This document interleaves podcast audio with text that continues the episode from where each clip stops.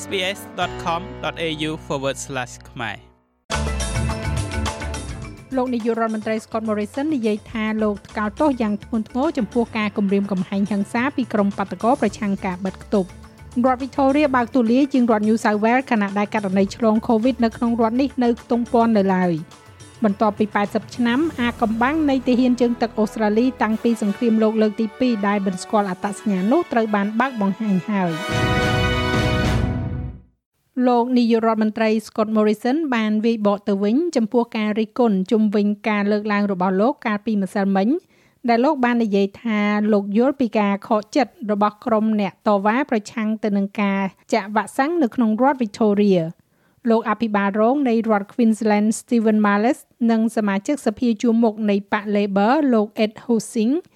កំពុងចោទប្រកាន់លោកនាយករដ្ឋមន្ត្រី Scott Morrison ពីការបញ្ចុះបញ្ចូលក្រុមជ្រុលនិយមស្ដាំនៅមុនការបោះឆ្នោតសហព័ន្ធនៅឆ្នាំក្រោយលោក Morrison និយាយថាលោកបានបញ្ជាក់ច្បាស់ណាស់អំពីការថ្កោលទោសរាល់ការគំរាមកំហែងនៃអំពើហិង្សាពីក្រុមបាតកោប៉ុន្តែនិយាយថារដ្ឋាភិបាលថ្នាក់រដ្ឋចាំបាច់ត្រូវតែដកថយ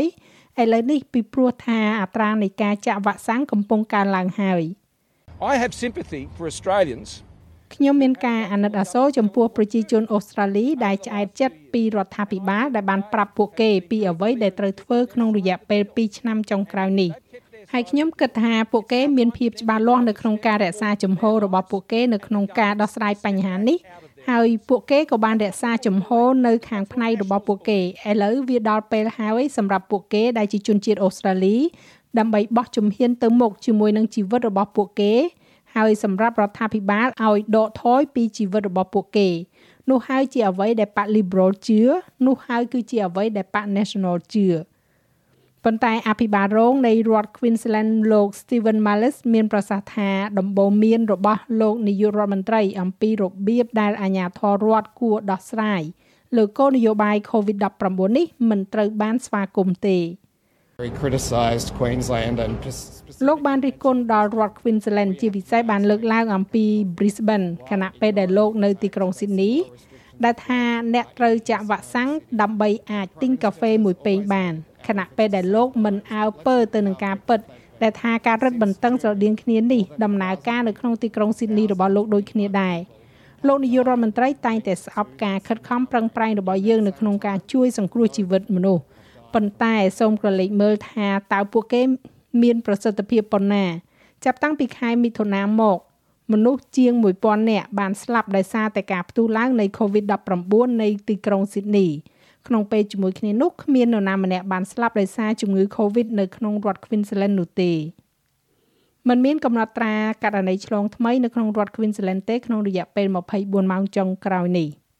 រីឯការរឹតបន្តឹងស្ទើរតែទាំងអស់ដែលនៅសេសសល់ពី COVID-19 នៅក្នុងរដ្ឋ Victoria ឥឡូវនេះត្រូវបានលុបចោលហើយដោយសារតែរដ្ឋនេះខិតជិតដល់ចំណុចសំខាន់90%នៃការចាក់វ៉ាក់សាំង2ដូសសម្រាប់អ្នកដែលមានអាយុលើសពី12ឆ្នាំឡើងទៅ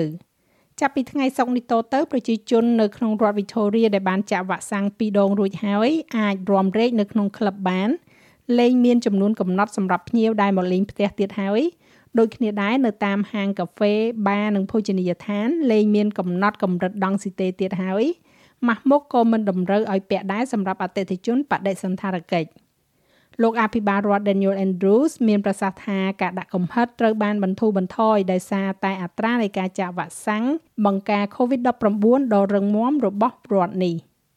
ការរឹតបន្តឹងដែលបន្ធូរបន្ថយទាំងនេះឥឡូវគឺធូរស្រាលជាងការរឹតបន្តឹងនៅក្នុងរដ្ឋ New South Wales ទៅទៀត ដែលនៅទីនោះនៅមានកម្រិតដង់ស៊ីតេកំណត់សម្រាប់ភោជនីយដ្ឋានកន្លែងបដិសណ្ឋារកិច្ចពិធីបុណ្យសពនិងពិធីមង្គលការនៅឡើយនៅក្នុងរយៈពេល24ម៉ោងចុងក្រោយនេះរដ្ឋ Victoria បានកត់ត្រាករណីឆ្លងថ្មីនៃ COVID-19 ចំនួន1273ករណី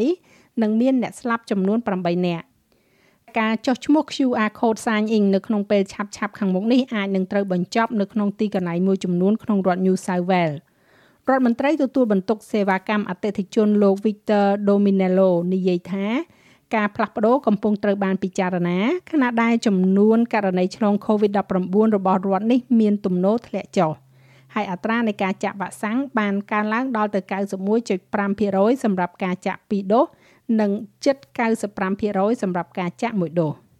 រដ្ឋ New South Wales បានកត់ត្រាករណីឆ្លងថ្មីចំនួន216ករណីនិងស្លាប់3នាក់ នៅក្នុងរយៈពេល24ម៉ោងចុងក្រោយនេះដែលបានធ្លាក់ចុះចំនួន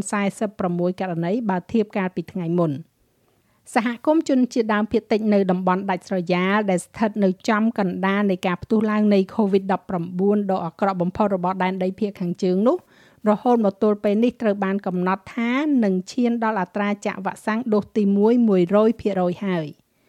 Robinson River គឺជាតំបន់ដែលមានមនុស្សរស់នៅប្រមាណជា350នាក់ ហើយមនុស្ស15នាក់ចុងក្រោយត្រូវបានកំណត់ថានឹងទទួលវ៉ាក់សាំងដំបូងរបស់ពួកគេនៅចុងថ្ងៃនេះមុនពេលមានការផ្ទុះឡើងអត្រានៃការចាក់វ៉ាក់សាំងក្នុងសហគមន៍នេះគឺខ្ពស់គួរសមស្រាប់ទៅហើយជាមួយនឹង77%នៃការចាក់2ដងនិង87%នៃការចាក់1ដងករណី COVID-19 ចំនួន19ករណីត្រូវបានកត់ត្រានៅក្នុងតំបន់ជនបទ Catherine និង Robinson River នេះ។ បន្ទាប់ពី80ឆ្នាំមកអត្តសញ្ញាណសាកសពតែមួយគត់ដែលគេបានរកឃើញពីនាវាចម្បាំង HMAS Sydney ដែលបាត់ខ្លួននោះត្រូវបានបង្ហាញហើយនាវានេះបានលិចទៅជាមួយនឹងនាវិកទាំងអស់ចំនួន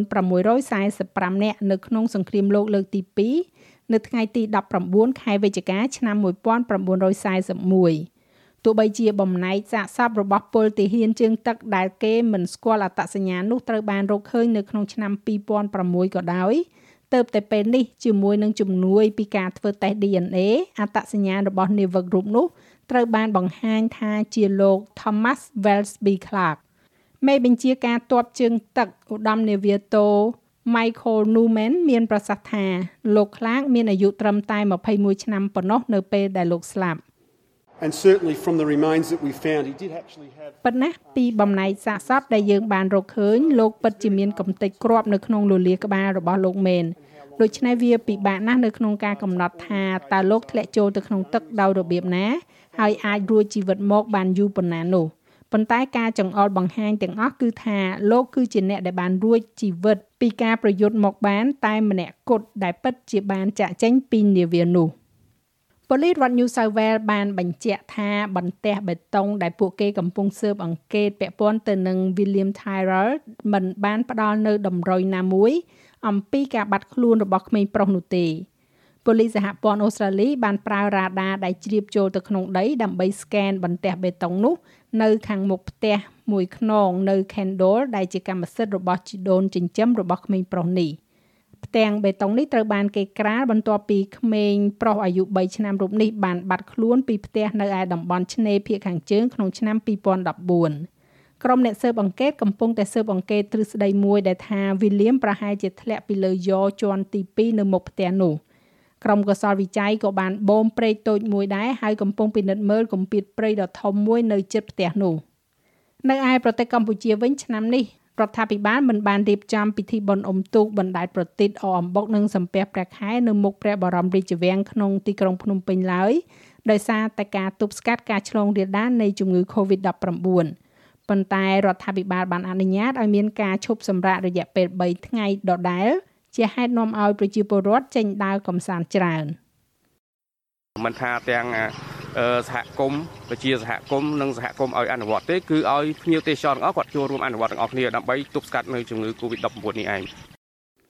ចាស់ឲ្យលោកមេងផល្លានឹងជួនសេចក្តីរាយការណ៍លម្អិតនៅវគ្គក្រោយជាបន្តទៀតឬលោកអ្នកអាចចូលស្ដាប់របាយការណ៍ពេញនៅលើគេហទំព័រ sps.com.au/ ខ្មែរ ការប្រកួតកីឡា Cricket Sheffield Shield រវាងរដ្ឋ Victoria និង New South Wales ដែលនឹងត្រូវចាប់ផ្ដើមនៅថ្ងៃនេះត្រូវបានពន្យាពេលដោយសារតែមានការភ័យខ្លាចនៃការឆ្លង COVID-19 កីឡាករ Will Sutherland របស់រដ្ឋ Victoria ទទួលបាននៅលទ្ធផលតេស្ត COVID-19 ដែលមិនអាចសន្និដ្ឋានបានដោយទាមទារឲ្យមានការវិភាគបន្ថែមទៀតគណៈពេលដែលគេកំពុងតែដំណើរការវិភាគលើលទ្ធផលតេស្តនេះក្រុម Victoria ទាំងមូល បច្ចុប្បន្នកំពុងផ្ដាច់ខ្លួនឯងចេញឆ្ងាយពីគេនិងត្រូវធ្វើតេស្ត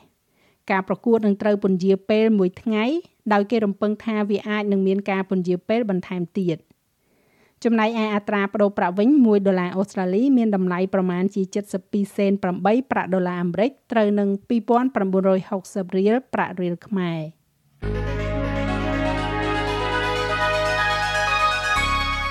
ឥឡូវយើងក៏លេខមកមើលការព្យាករណ៍អាកាសធាតុសម្រាប់ថ្ងៃសៅរ៍ស្អែកនេះវិញ នៅផឺតបើកថ្ងៃ